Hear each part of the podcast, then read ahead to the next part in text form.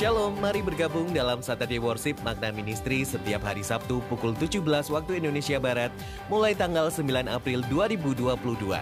Kita akan bersama-sama memuji Tuhan, menyembah Tuhan, mendengarkan sabdanya yang penuh kuasa, dan ditantang untuk menjadi pemenang dalam kehidupan ini. Jangan lupa ajak keluarga, saudara, dan teman untuk merasakan kuasa pujian kepada Tuhan dalam Saturday Worship yang bertempat di The Grace Hartono Mall, Yogyakarta. Mari kita terhubung dengan Tuhan dan juga orang-orang di sekitar kita. Kami tunggu kehadirannya ya. Tuhan memberkati.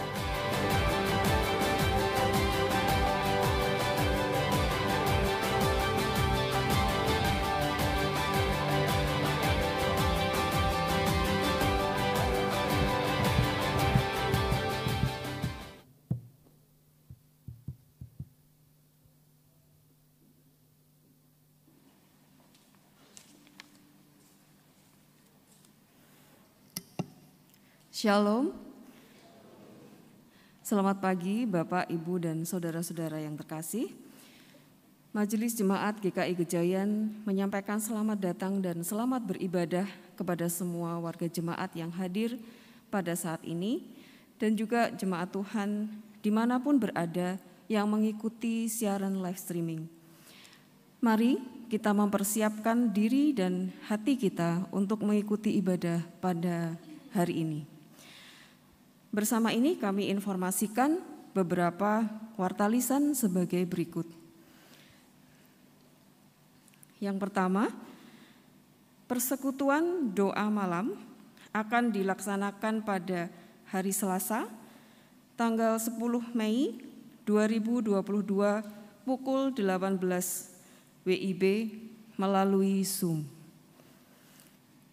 Yang kedua, Sakramen baptis anak dan sidi akan dilaksanakan dalam ibadah umum terbatas pada hari Sabtu 18 Juni 2022 pukul 16 WIB. Pendaftaran dibuka sampai dengan hari Minggu 15 Mei 2022. Pendaftaran di kantor gereja pada setiap jam kerja. Yang ketiga, kelas pembinaan pranikah akan dilaksanakan pada setiap hari Sabtu dimulai pada hari Sabtu 21 Mei 2022 sampai dengan Sabtu 11 Juni 2022 mulai pukul 17 WIB melalui Zoom. Setiap peserta wajib mengikuti setiap pertemuan tanpa terkecuali pendaftaran di kantor gereja pada setiap jam kerja. Yang keempat, dalam ibadah hari ini kita bersama-sama akan memberikan persembahan syukur bulanan.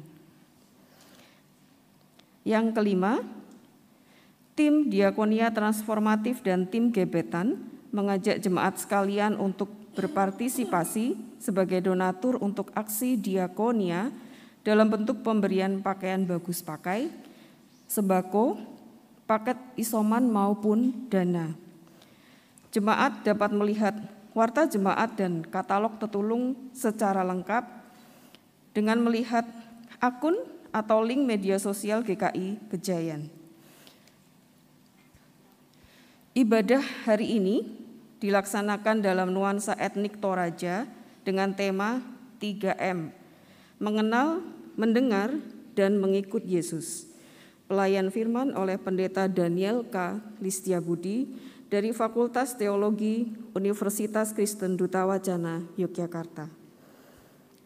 Mari Bapak Ibu, Saudara, kita bersaat teduh sejenak.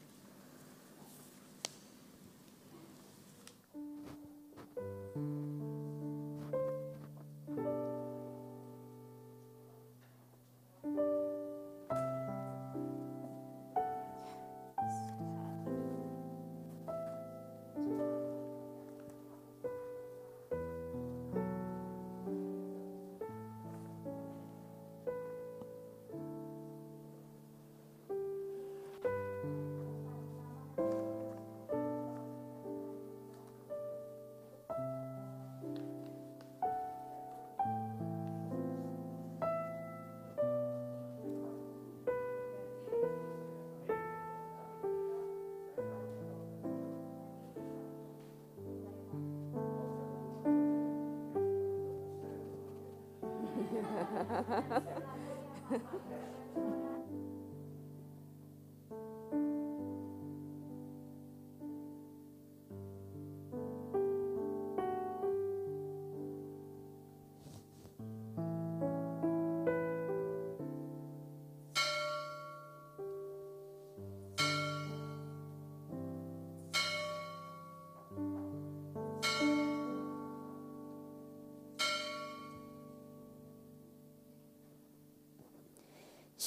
Bapak Ibu Saudara terkasih.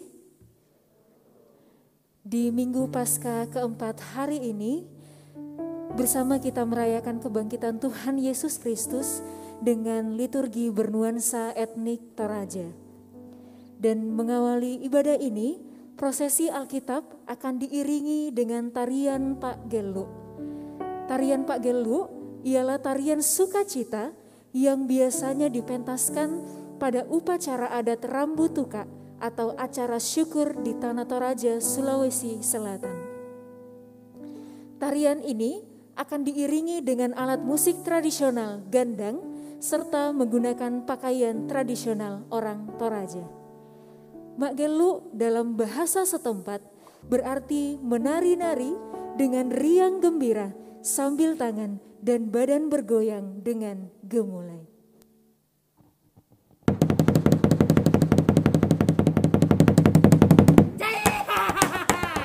Duk garang-garangku lagu gua selama lo minggu lagu kita sono nasang selama sita mali paiman sido pakaworo tadi mangi kurre semanga tarande pole paraya Belanda na pasitara na ki indi Allah masakke puang ada tangana lagi.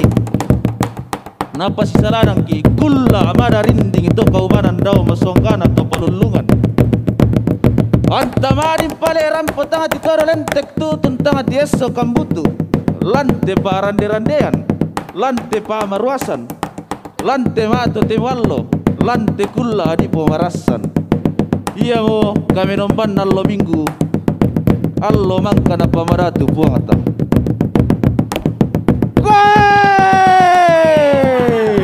Tahu tahu Kukuha tabe ku padolo lamban siman ku babunga lagu kita solanasang Tabe lako torigente bapak ibu pendeta. Tabe lako torigente majelis gereja. Siamintu kombongan lante lilina gereja Kristen Indonesia Gejayan Tabe lako siluku sangat torayan Tuma adoren rampo lante kami nomban atu totemo May mo kami taweno malangang puata Buang at umang kauntara na kamarampaki Buang at pasiriya ka marampasan Salama ala ko kita solanasang. Buang ang basak kikilang kami nomban at tutotemo Kurre, kurre, suara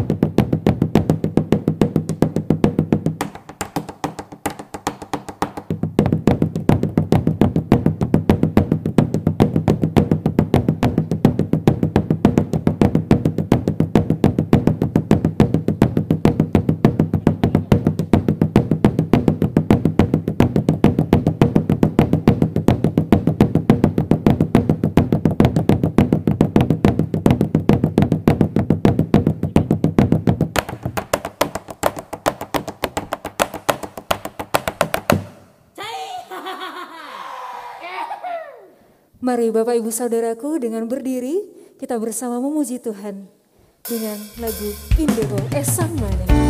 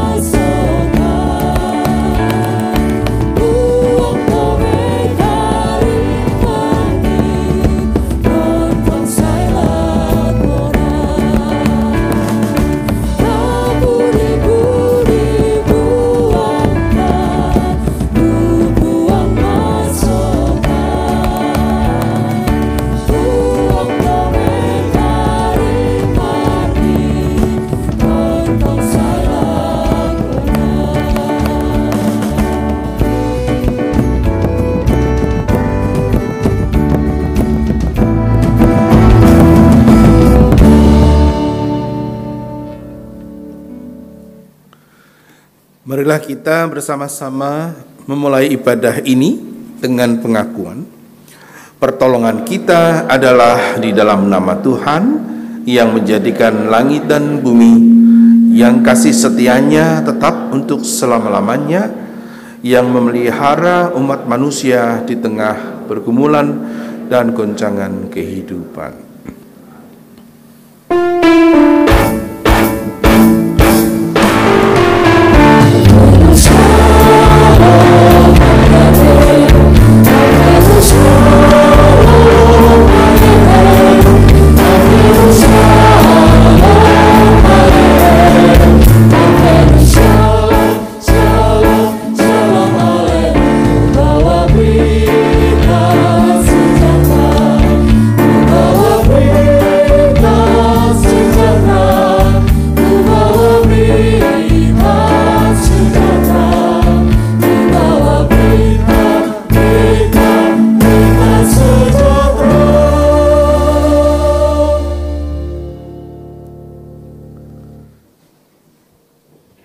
Pagi Ibu Bapak yang terkasih, baik yang ada di gedung gereja maupun Ibu Bapak, saudara-saudara yang mengikuti ibadah dari rumah, yang mengikuti melalui Zoom. Saya harap kabar baik ada pada kita semua. Saudara-saudara, hari ini kita beribadah dengan liturgi khas dengan nuansa etnik Toraja. Barangkali ada beberapa di antara kita yang pernah ke sana, saya sendiri pernah satu kali menikmati keindahan Tanah Toraja. Sangat indah di sana ada tempat yang dibilang negeri di atas awan. Anda bisa melihat dari ketinggian melihat materi terbit dan awan-awan di bawah Anda dan kopinya enak sekali. Semoga setelah ini di konsistori sana ada kopi Toraja. Kita lihat nanti. Ibu Bapak, eh, terutama yang di rumah, silahkan jika ada pokok-pokok doa syafaat yang hendak disampaikan, silakan open mic atau mengirimkan pokok berita itu dalam kolom chat. Silakan jika ada yang hendak menyampaikan pokok doa secara lisan.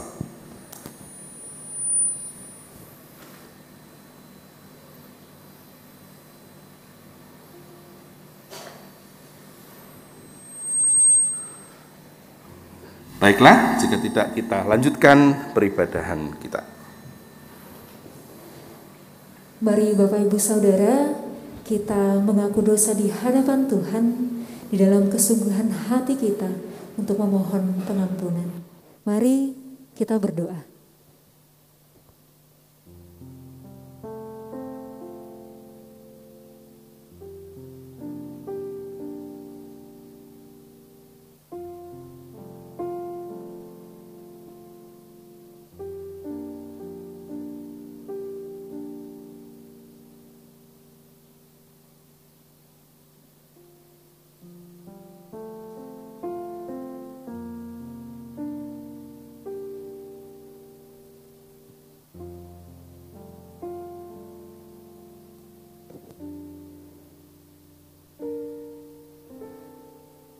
Ya Bapa yang Maha Pengasih, ini pengakuan dosa kami yang kami bawa dalam kesungguhan kami memohon pengampunanmu. Amin.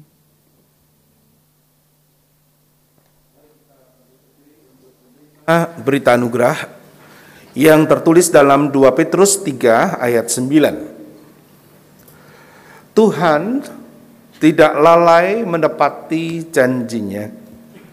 Sekalipun ada orang yang menganggapnya sebagai kelalaian, tetapi ia sabar terhadap kamu, karena ia menghendaki supaya jangan ada yang binasa, melainkan supaya semua orang berbalik dan bertobat.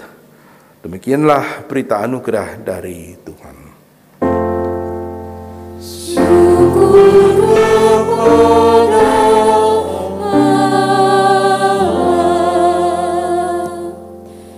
Ibu Saudara, dalam hidup ini pasang surut kehidupan selalu ada. Dan mengikut Yesus adalah jawaban mengapa semua pergumulan hidup itu harus kita hadapi. Mari bersama kita angkat pujian ini, kita nyatakan kesungguhan kita untuk mengikut Yesus.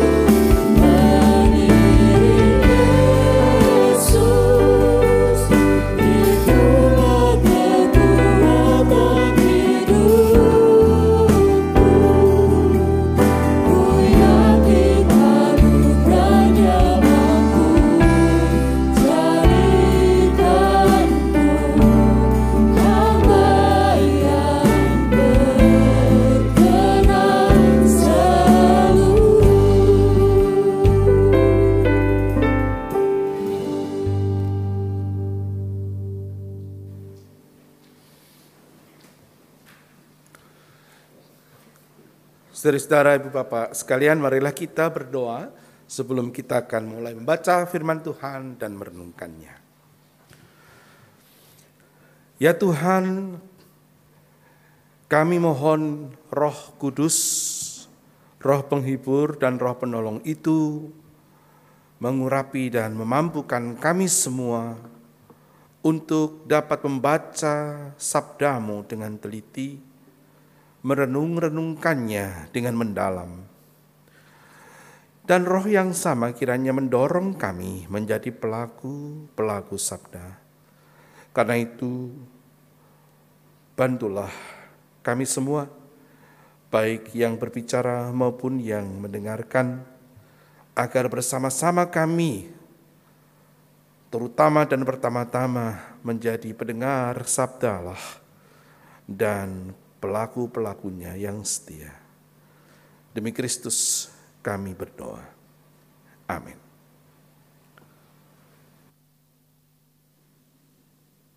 Kisah para Rasul pasal 9 ayat 39 sampai dengan 43. Kisah para Rasul pasal 9 ayat 39 sampai dengan 43. Saya akan membacakannya dalam bahasa Toraja. Ayat 39. Kede mitu Petrus nama lesola. Ia tonarampo nasolami tahu tama bilik tiaka langanna. Mintu na baine balus sae kede umpenti rondongi, na tumangi siana pak pekitanan tumai bayu, sia dodo nagaragai dorkas ton nasi solapa ayat 40. Apa naswana sang Petrus sun tu tahu? Nama linguntu masambayang na mesaile lakoto tomate. Nakua, eh tabita, malimbangun ko. Nabi darami tumatanna sia ia ton natiro itu Petrus uno mi. Ayat 41. Nasorangan ni Petrus tulimanna na pak KDI na tambai tu mai tomasolo sia ia tu mai baine balu. Na pak kitani lako tinde tau kumua tuomo. Ayat 42 Ti seno-seno mi lako mintu pak tondokan yoyo petu ian nato. Na Buddha tahu empatongan puang.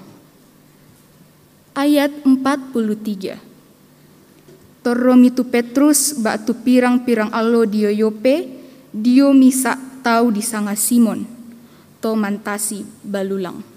Demikianlah sabda Tuhan.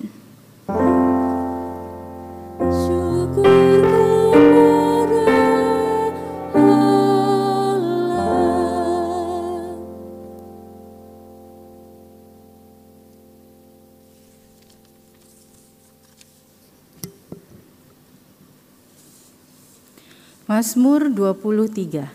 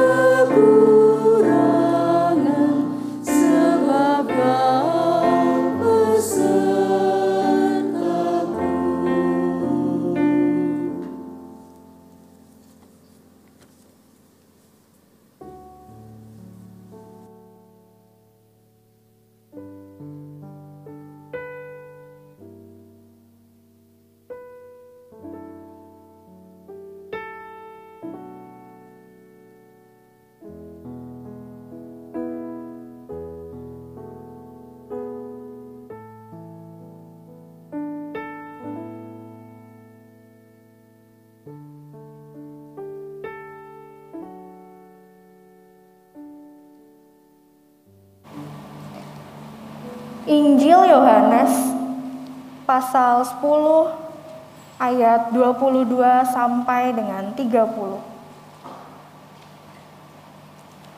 Injil Yohanes pasal 10 ayat 22 sampai dengan 30.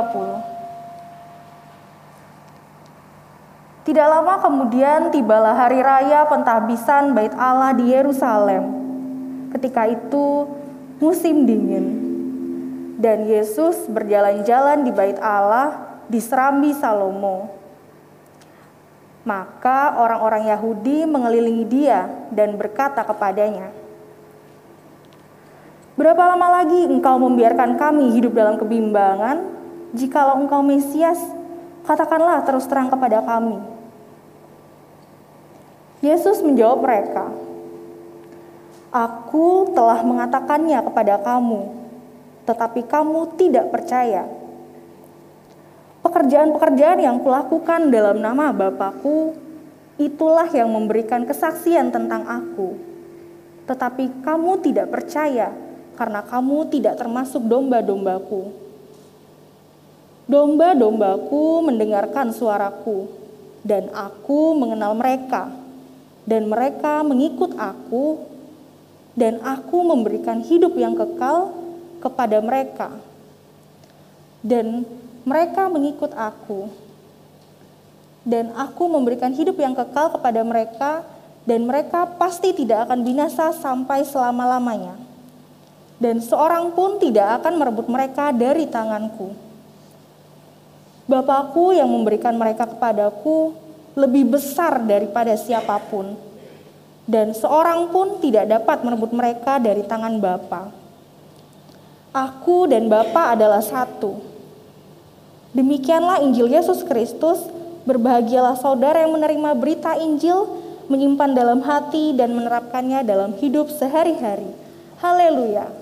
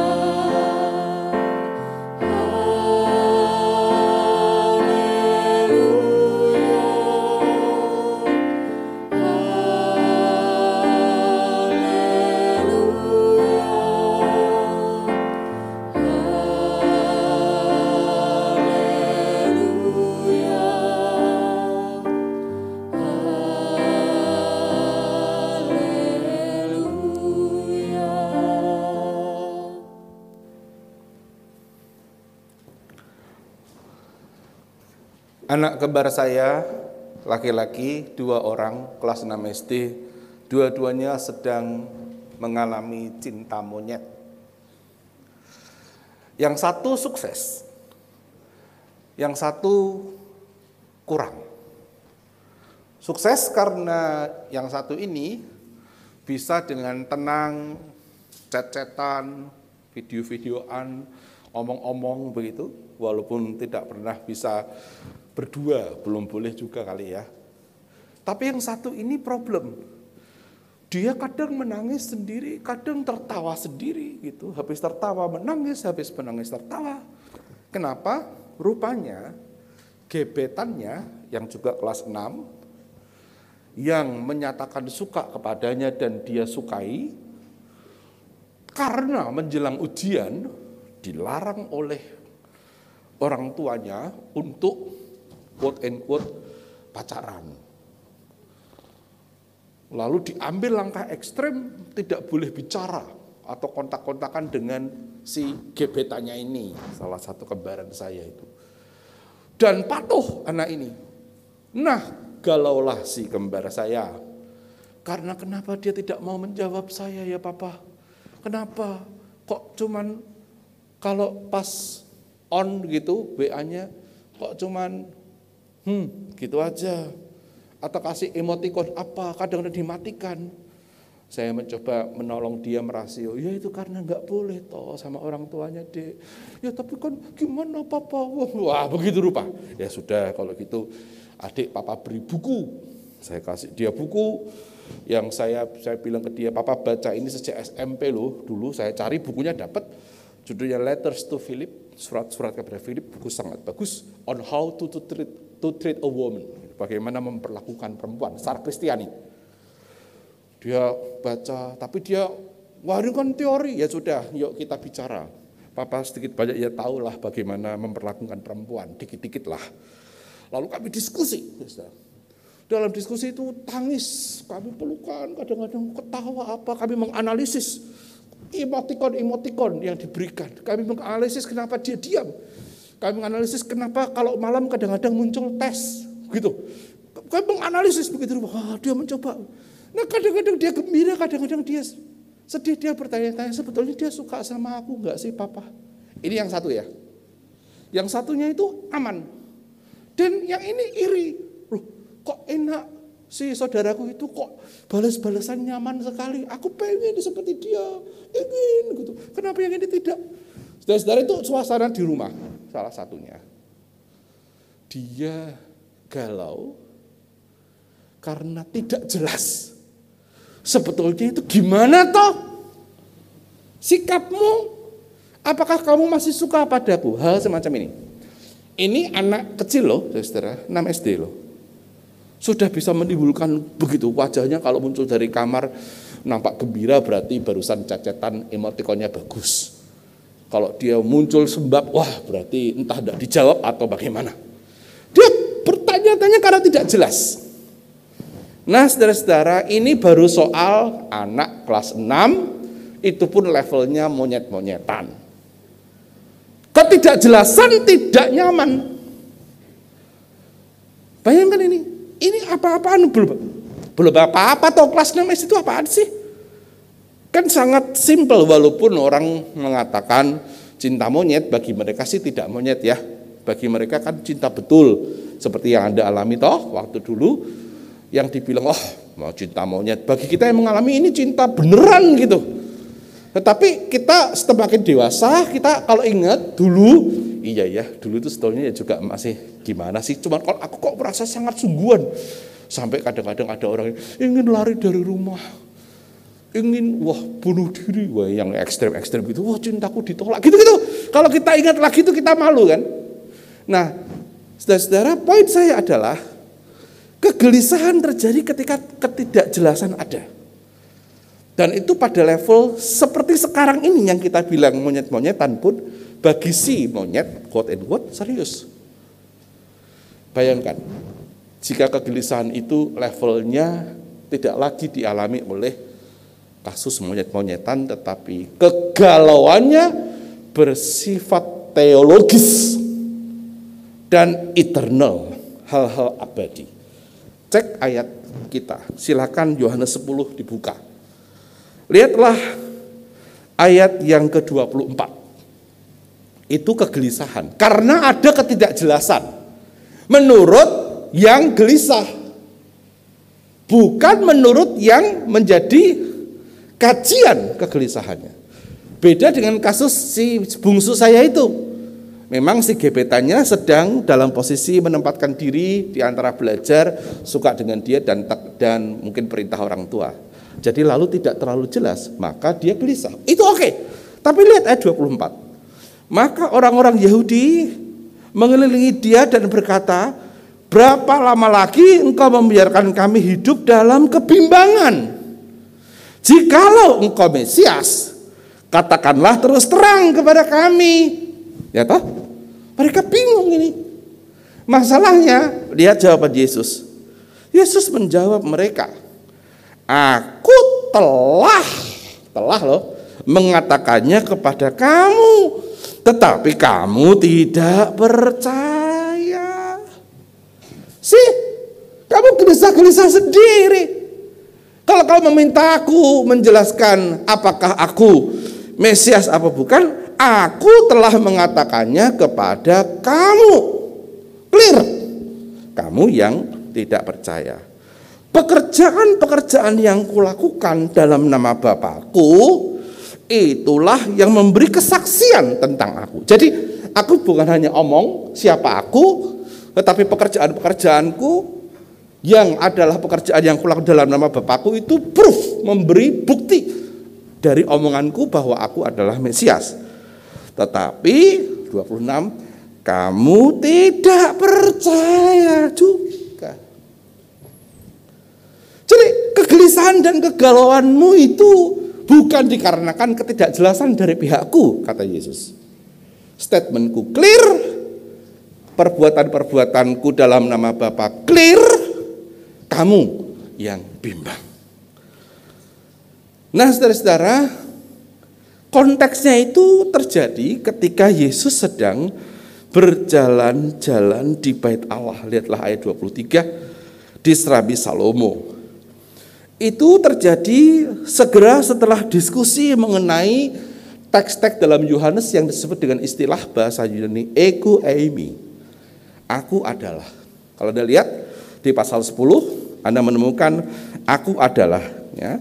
Aku adalah pintu, aku adalah gembala yang baik dan semua teks Yohanes yang aku adalah aku adalah pokok anggur yang benar, aku adalah begitu, itu bahasa Yunaninya ego eimi.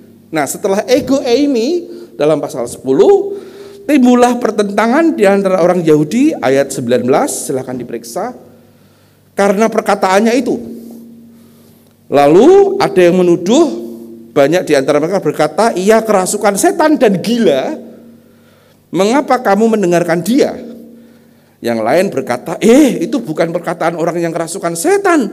Dapatkah setan memelekkan mata orang-orang buta?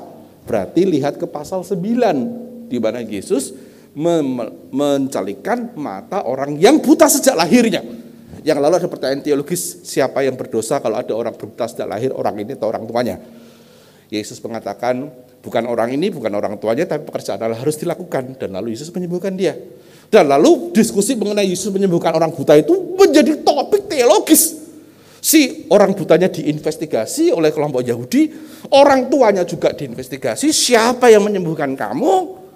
Begitu rupa, ya, lalu ada ketegangan terjadi, lalu orang buta ini bertemu dengan Yesus dan dia mendapat konfirmasi, Yesuslah yang menyembuhkan dia, hatinya dipenuhi dengan pengalaman keilahian berjumpa dengan Yesus. Nah lalu Yesus berkata, ego Amy, ego Amy, ego Amy, orang geger siapa dia? Ada yang menuduh kerasukan setan dan gila. Yang lain mengatakan, lu enggak bisa. Bagaimana bisa? Orang kerasukan setan bisa memelekkan mata orang-orang buta. Nah segera setelah ini, perikop kita. Tak lama kemudian, lihat ya 22. Tibalah hari raya petabisan bait Allah di Yerusalem, waktu itu musim dingin. Nah informasi untuk Anda Penabisan Bait Allah itu adalah hari raya yang sampai sekarang masih dirayakan oleh orang-orang Yahudi.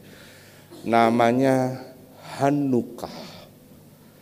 Hanukkah.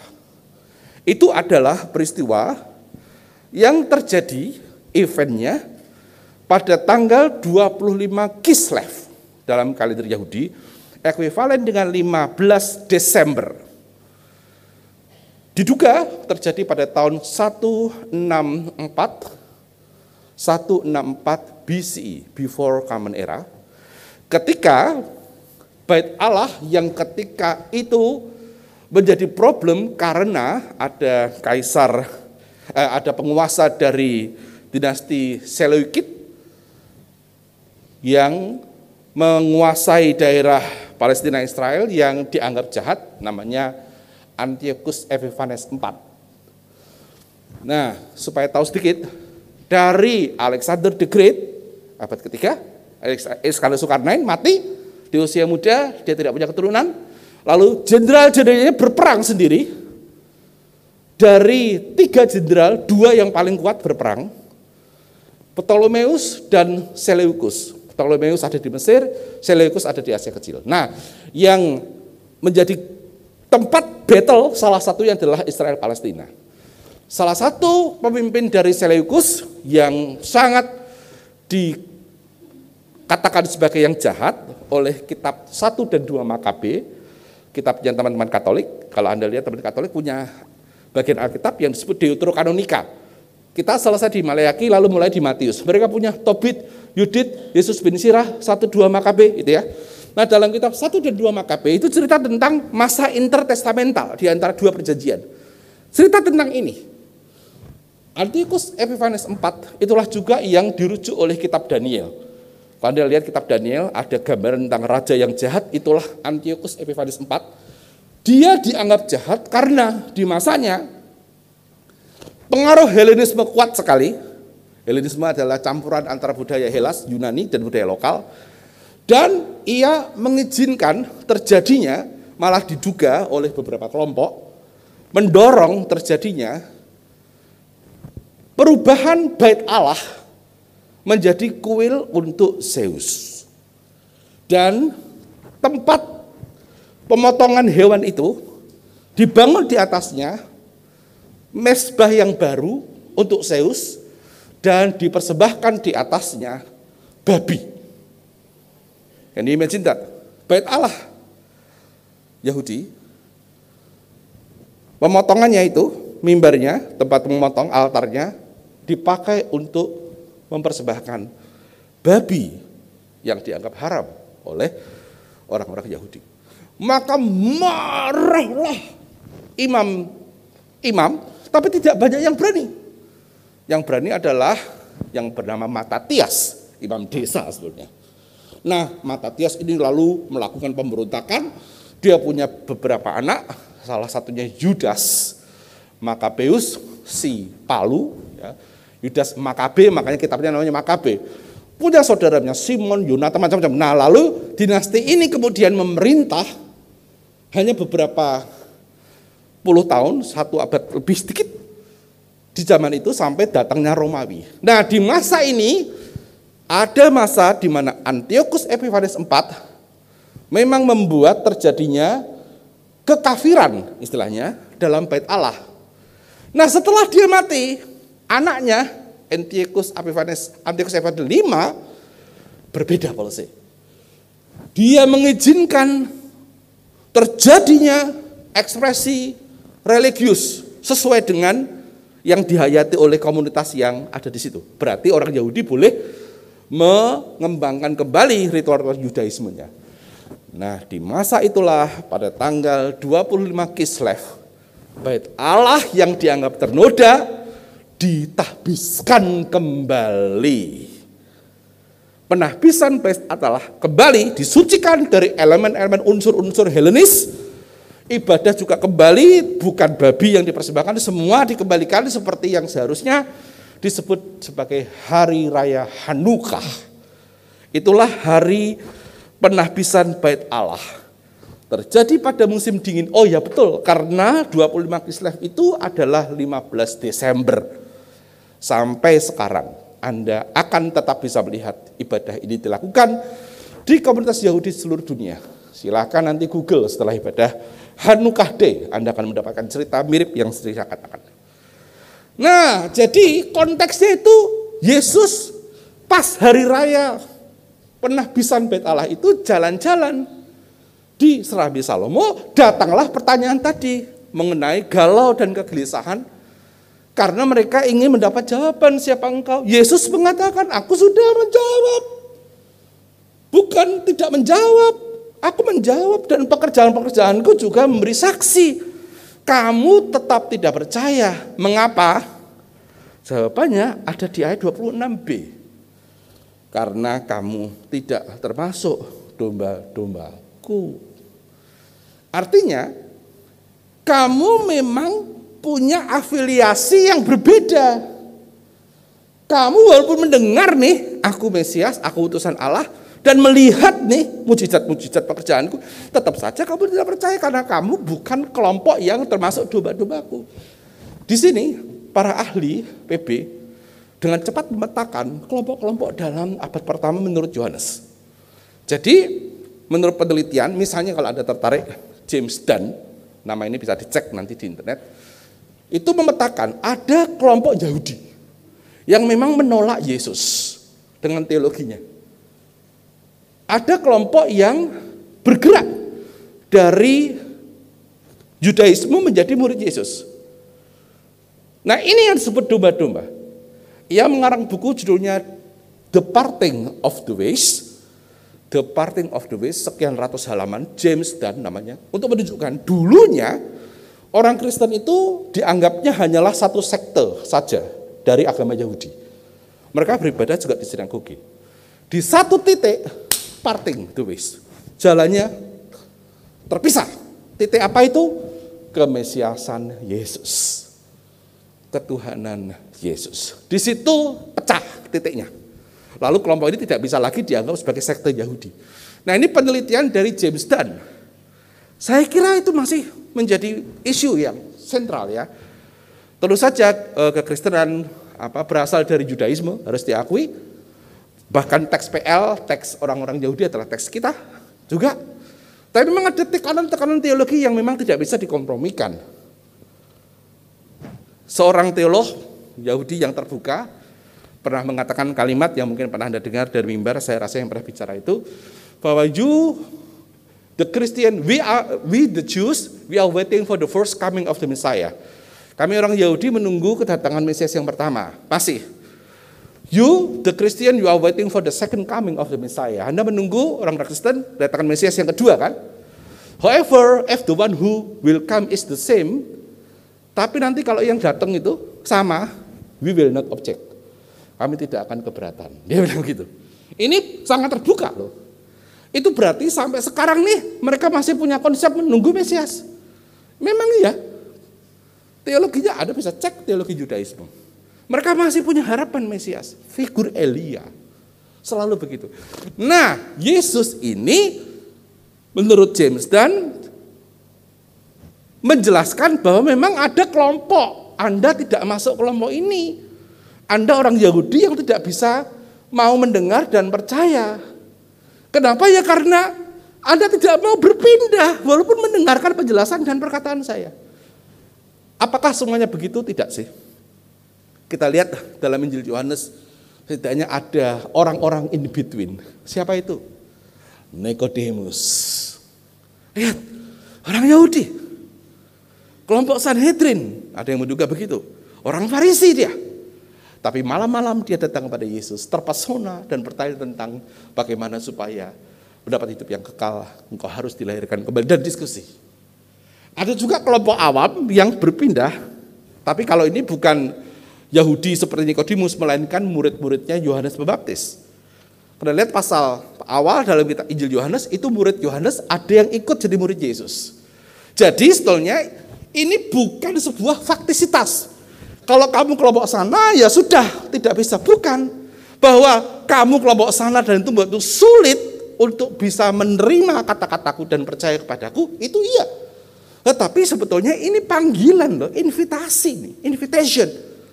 Karena ada juga orang yang bisa. Orang yang bisa menyeberang seperti murid-murid Yohanes Pembaptis ataupun Nikodemus. Saudara-saudara yang terkasih, Pasti Anda pernah melihat ilustrasi mengenai gembala. Yang sekarang nih, yang real kan ada di YouTube banyak sekali, ada domba-domba, ada turis-turis disuruh memanggil domba-domba itu dengan berkelancar cara dombanya nggak mau. Tapi begitu sang gembala asli manggil semua datang. Ya, kita pernah lihat itu ya. Jadi tidak usah, uh, saya tidak usah repot-repot mencarinya. Anda pasti pernah melihat itu. Sangat terkenal cerita itu.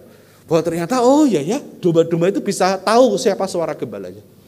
Ya, tetapi itu kan dalam arti domba yang terbiasa. Itu soal kebiasaan saja. Yesus mengatakan, betul domba itu juga mendengar, jadi soal kebiasaan. Tapi juga ada peluang bagimu, hai dunia, untuk menjadi percaya. Jadi ini bukan soal kebiasaan saja, tetapi soal kebiasaan mengenali suara si gembala, tapi juga kesediaan untuk mau mengikuti dia. Setelah mengenal, mendengar, dan mengikuti dia. Jadi tawarannya itu terbuka sebetulnya. Tidak ada yang dirahasiakan. Bahwa kamu tidak mau ikut. Itu karena kamu mengeraskan diri di kelompok ini. Lihat peluang-peluang yang ada dalam tokoh-tokoh tertentu. Seperti tadi, Nikodemus dan para murid Yohanes Pembaptis. Nah, tapi untuk menjelaskan masalah, mengapa toh Walaupun Yesus sudah menjelaskan dia siapa dan perbuatannya apa, kok kalian ini tidak pernah percaya? Yesus mengatakan ya karena kamu tidak termasuk domba-dombaku. Kalau domba-dombaku ada kualitasnya. Domba-dombaku ayat 27 mendengarkan suaraku. Domba-dombaku mengenal suaraku, aku mengenal mereka, mereka mengikut aku, lalu aku memberikan hidup yang kekal pada mereka, dan mereka pasti, ini efeknya tidak akan binasa, sampai selama-lamanya, dan ini menarik, seorang pun tidak akan dapat merebut mereka dari tanganku, Bapakku yang memberikan mereka kepadaku lebih besar daripada siapa pun dan seorangmu tidak dapat merebut mereka dari tangan Bapak. Jadi kalau ada orang yang menjadi domba-dombaku, dia mengalami kehidupan yang akrab denganku, mendengar suaraku, dan aku juga mengenal mereka. Sampai selama-lama, for good eternally, dan tak seorang pun dapat merenggut mereka daripadaku, karena Aku dan Bapak satu, aku diutus Bapak. Bapak tuh top, tidak ada yang melawan. Nah kalau Bapak dan aku satu dan mereka dombaku, tidak ada yang dapat merebut mereka dariku dan dari Bapak. Karena aku dan Bapak adalah satu. Jadi ini mau bicara soal unio mistika. Pengalaman menyatunya Yesus dengan Bapa yang menyeret sebetulnya, menghisap masuk para domba. Sehingga nanti di pasal 21, Anda perhatikan ya, masih jauh, itu ada kalimat supaya mereka menjadi satu sama seperti kita ya Bapak, aku di dalam engkau dan engkau di dalam aku, dan mereka di dalam kita. Nah inilah suasana jika orang menjadi domba-domba Yesus. Ini dikatakan loh, dan kamu masih bisa nih kalau mau menjadi dombaku dengan cara dengar suaraku. Kenali aku dan ikut. Nah masalahnya kamu mau tidak. Kalau kau mengeraskan diri, aku tidak bisa apa-apa. Tidak ada rahasia. Si anak bungsu saya tadi bingung karena kode-kodenya tidak jelas. Masih suka enggak ya? Sudah boleh enggak ya? Bagaimana ya? Bingung. Yesus tidak pernah membingungkan. Yang menjelaskan sejelas-jelasnya, aku sudah berkata kepadamu, ada pekerjaan-pekerjaan yang kulakukan dalam nama Bapakku. Kau melihatnya, Nah kenapa kamu tidak mau ikut? Kalau kamu ikut, kamu menjadi bagian dari dombaku. Ini bukan sekedar kebiasaan. This is the value of discipleship. Kemuridan mengatakan ya dan patuh. Orang yang begitu mengalami penyertaanku dan Bapa for good eternally. Mengalami providensia Dei dalam Junio Mistika. Nah, ini saudara-saudara kajian teologisnya. Poinnya sebetulnya simpel saja. Bahwa yang digendaki Tuhan pada kita sekarang adalah bahwa yang kita kenali mengenai dia, yang kita ketahui mengenai dia, mestinya menjadi jalan hidup kita. Mestinya menjadi kenyataan yang kita iyai dalam tingkah laku kita the value of discipleship. Memang tidak mudah kemudian kalau hidup kita berbeda dan kalau Anda lihat penelitian James dan kelompok Kristen ini lalu kan dimusuhi. Ada cerita di akhir dan kalau Anda lihat teologi perjanjian baru itu mereka diusir dari sinagogi. Ada cerita itu mereka tidak boleh lagi beribadah di situ. Akhirnya mereka di orang Jawa bilang disebrat, ke, di luar, di, ditarik keluar. Dan itu menyakitkan karena mereka lalu harus kehilangan misalnya tempat di mana mereka beribadah sinagogi. Tapi mereka tidak masalah karena mereka memiliki persekutuan yang baru, yakni peribadahan mereka adalah di dalam prinsip Kristus sebagai Mesias. Jadi secara sosiologis ada skisma memang di antara Yudaisme dan kekristenan. Tetapi ini jalan terus karena tadi ada penyertaan dari sang gembala dan bapak pengutusnya sampai selama-lamanya. Dipakai kata sampai selama-lamanya dan tidak seorang pun merebut dari. Sekarang opsinya dibuka. Apakah hidup kita adalah mengikuti value of discipleship? Kalau sekedar mendengar, kita mah mendengar tiap minggu. Mendengar orang-orang yang kayak saya berdiri di mimbar bukan hanya mendengar, omong pula. Ya toh, pertanyaannya apakah yang mendengar dan yang mendengar dan omong ini mengikuti Yesus. Ada seorang teolog Anabaptis abad 16 mengatakan tidak seorang pun sungguh-sungguh mengenal Kristus kalau tidak mengikuti dia setiap hari. Jadi mengenal Kristus sebetulnya itu mengikuti dia. Jadi kalau ada masih hanya kognitif nih, mengenal, belum. Yang dikendaki adalah ada dimensi kognitif, mengenal, itu ada di bacaan kita dan ada tema kita. Ada dimensi yang bersifat empirik, mendengar, dan ada dimensi praksis, mengikut. Apakah ketiganya sudah menjadi jalan kemuridan kita? Kalau masih hanya listening, hearing, it is good, but it's not enough. It should be cognitively Anda ginosko, mengetahui. Tapi itu juga tidak cukup. Yang Anda kenal dan Anda ketahui mesti menjadi jalan hidup. Ini your way of life. Bukan hanya your thought, your understanding, it should be also become your way of life. The way of Christ. Jalan hidup Kristus. Itulah domba-domba. Jika itu yang terjadi, mungkin Anda mengalami permasalahan dari kelompok pihak lain dalam adalah orang Yahudi, tapi Anda deep inside Anda mengalami pemeliharaan Allah dalam Kristus yang abadi, yang tidak bisa direnggut oleh siapa pun. Pengalaman memiliki Allah dalam Kristus mengalami dia tak bisa dibandingkan dengan apa pun dan tak bisa direbut oleh apa pun. Maka harusnya kita menjadi orang yang hidup penuh dengan syukur, dan dengan gembira membagikan pengalaman ini kepada yang lain dengan rendah hati supaya yang lain tanpa paksaan bisa melihat sesuatu dalam diri kita sebagai domba dan sesuatu itu yang begitu menggembirakan, menggairahkan, memberi makna baru, memikat.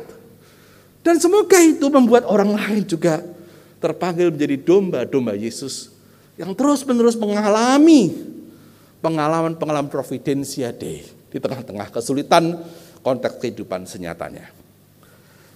Saudara-saudara, saya menyiapkan lagu untuk menjelaskan pengalaman kegembiraan mengalami Kristus dalam anugerahnya.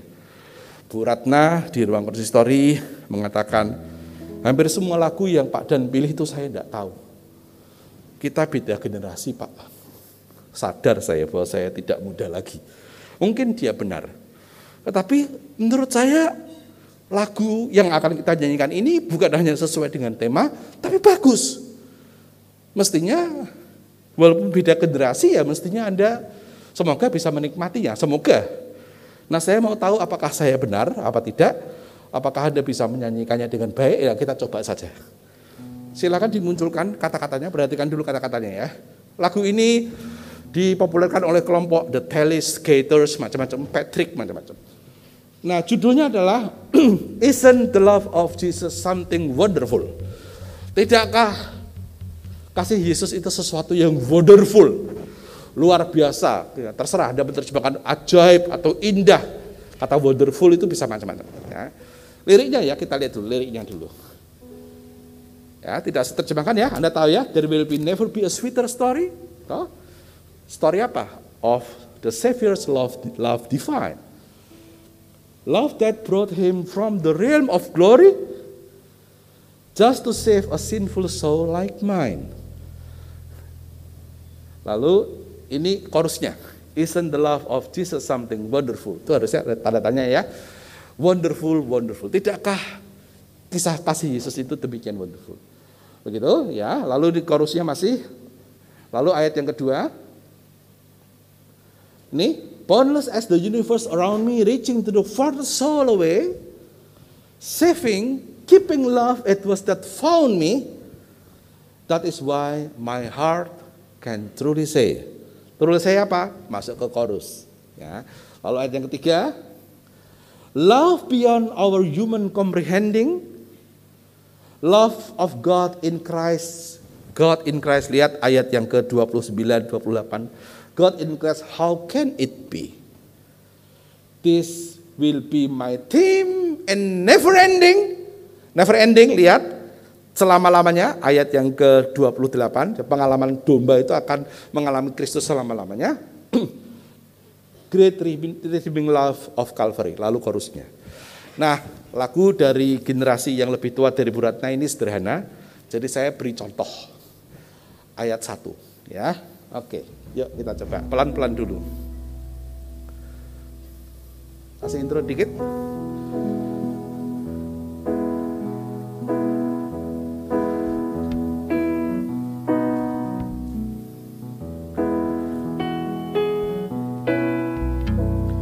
There will never be a sweeter story. Story of the Savior's love divine. Love that brought him from the realms of glory.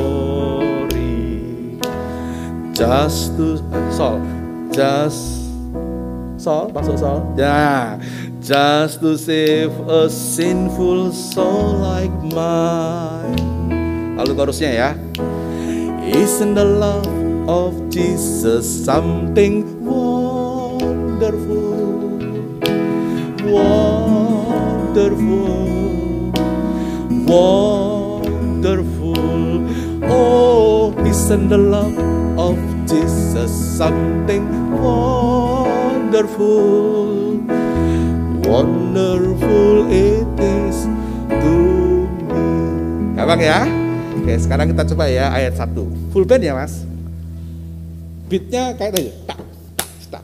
Kalau mau tepuk tangan juga boleh dikit-dikit. Ayat 1 unison dulu ya, nanti kita pecah suara setelah ini.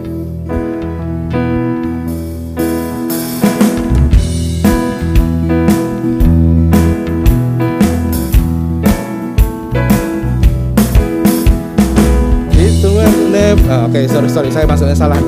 Saya masuk aja langsung ya. Dua, tiga. There will never be a sweeter story. Story of the Savior's love divine. Jangan pecah suara dulu, tahan unison. Love that brought him from the realms of glory. Just to save a sinful soul like mine. Nah, sekarang SATB. Isn't the love of Jesus something wonderful? Wonderful. Wonderful. Oh, isn't the love of Jesus something wonderful?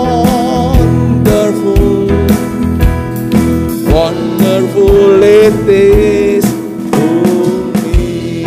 Oke. Nah, sekarang lebih cepat sedikit. Saudara-saudara, bolehkah saya mengajak Anda berdiri untuk nyanyikan ayat yang kedua dan ketiga? Lebih cepat sedikit ya, kayak gitu ya. Sejak awal SATB, sopran atau tenor bass, yang fals-fals pelan aja ya. Oke. ya, kasih intro yang jelas supaya saya tahu kapan masuknya.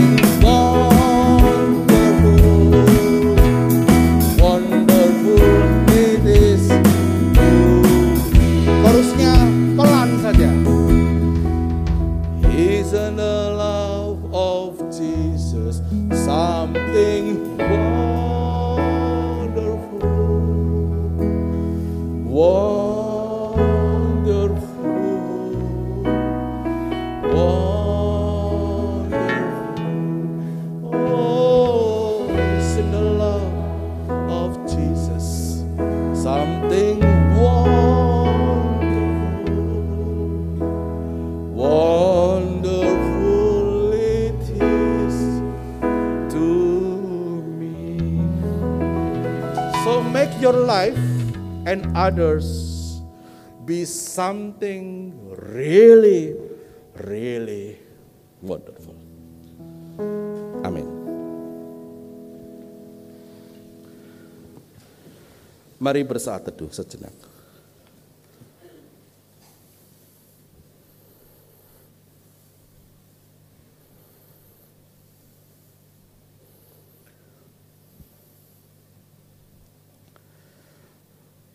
Tuhan kami bersyukur kepadamu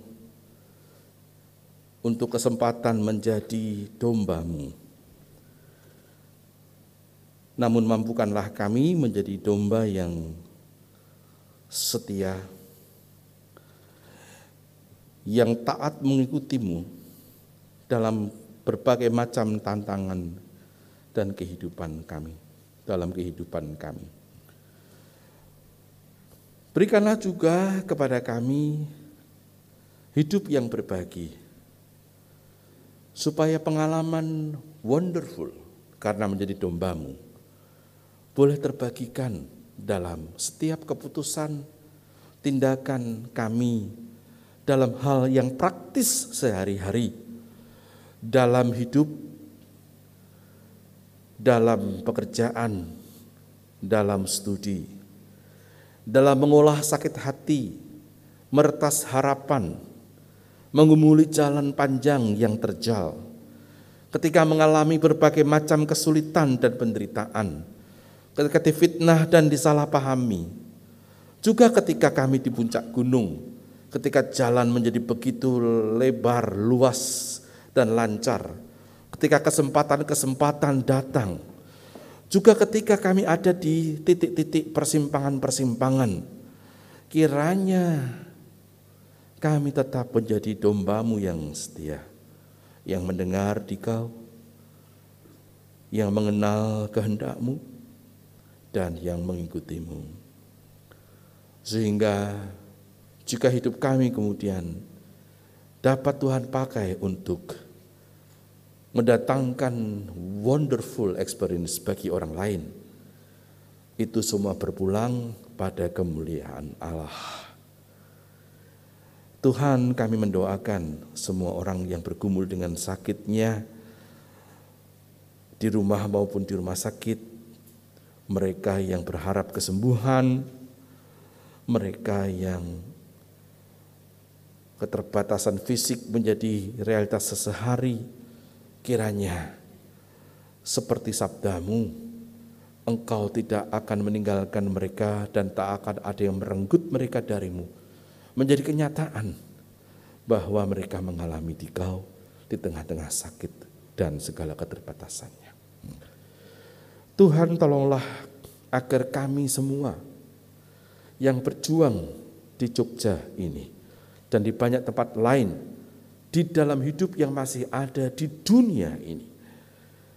Kiranya kami boleh mengolah hidup kami sedemikian rupa sehingga kami menjadi agen dari karya perdamaian, agen kebenaran dan keadilan, agen dari cinta kasih dan menjaga dunia alam ciptaanmu sebagai dunia yang layak dihidupi dan yang memberikan daya hidup kesejahteraan bagi semua termasuk untuk seluruh makhluk-makhluk non-human selain kami. Sehingga wonderful itu menjadi kesaksian dan perjuangan kami, bukan hanya kami monopoli untuk diri sendiri. Berkatilah juga bangsa dan negara kami di mana kami berada, di tengah-tengah segala gejolak sosial, politik, ekonomi, kultural, ideologis. Tuhan, mampukanlah kami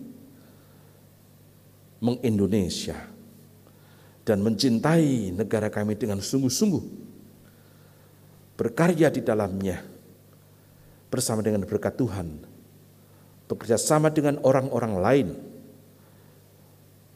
Baik berbeda agama, berbeda etnis, berbeda latar belakang.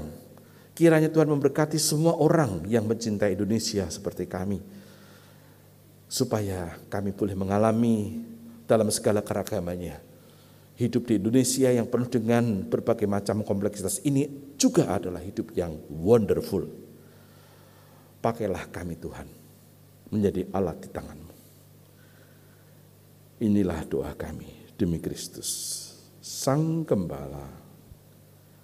Kami berdoa.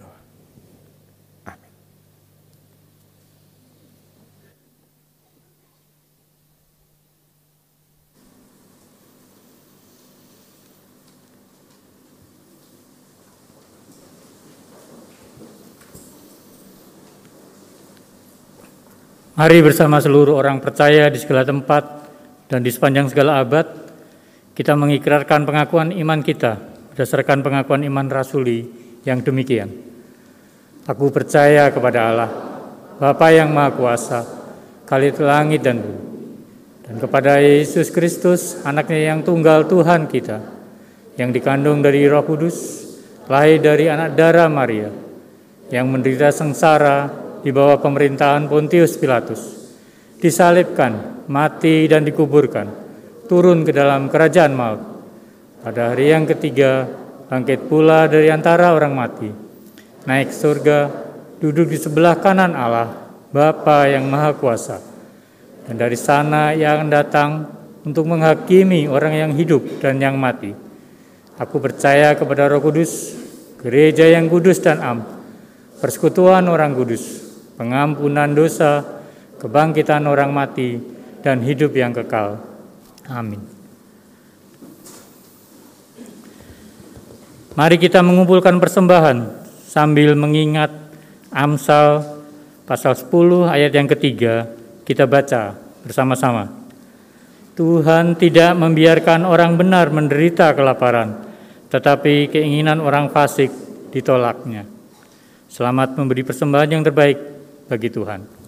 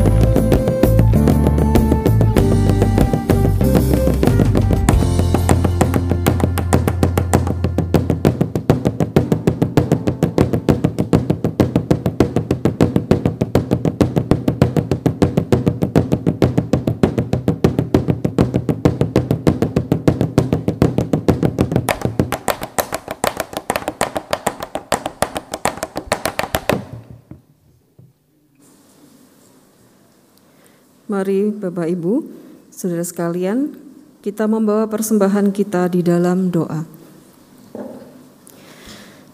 Kembali kami menghadap kehadiratmu ya Tuhan, untuk mengucapkan puji syukur dan terima kasih kami atas berkat dan penyertaan-Mu kepada kami sepanjang hari ini.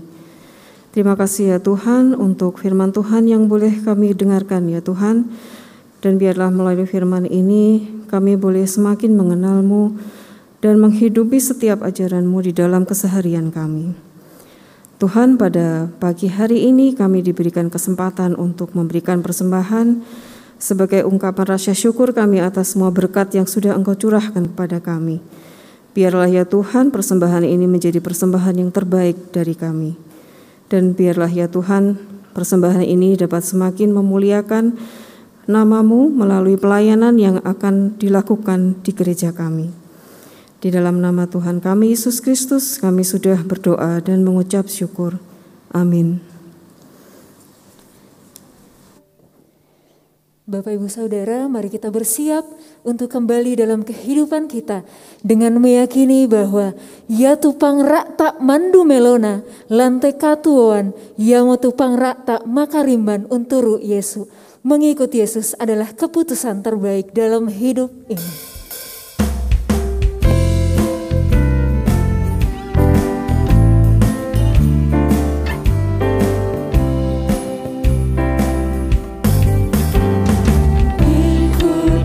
Saja Tuhan jalan damai bagiku aku sama dan sentosa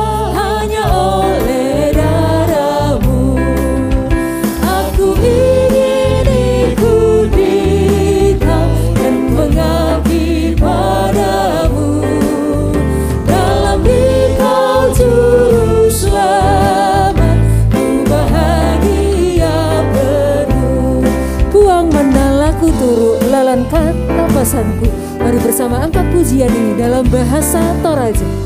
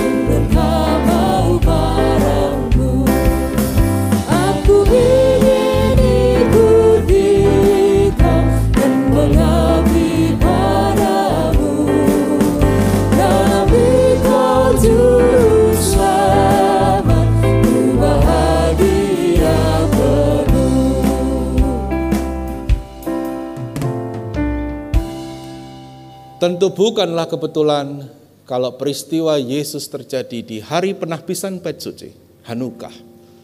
Itu berarti kita sekarang pun dipanggil untuk kembali menyucikan diri kita dengan menegaskan komitmen kita untuk mau sungguh-sungguh menjadi domba Kristus yang mendengar, mengenal, mengikut Dia. Oleh karena itu, saudara-saudara, lanjutkanlah cinta kasihmu pada Yesus dan sesama dalam karyamu setiap hari. Pulanglah dalam damai dan terimalah berkat Tuhan. Kasih Tuhan mengiringimu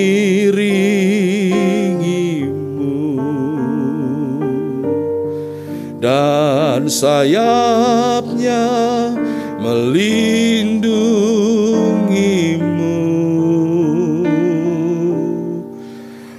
Tangan Tuhan pegang di dalam hidupmu.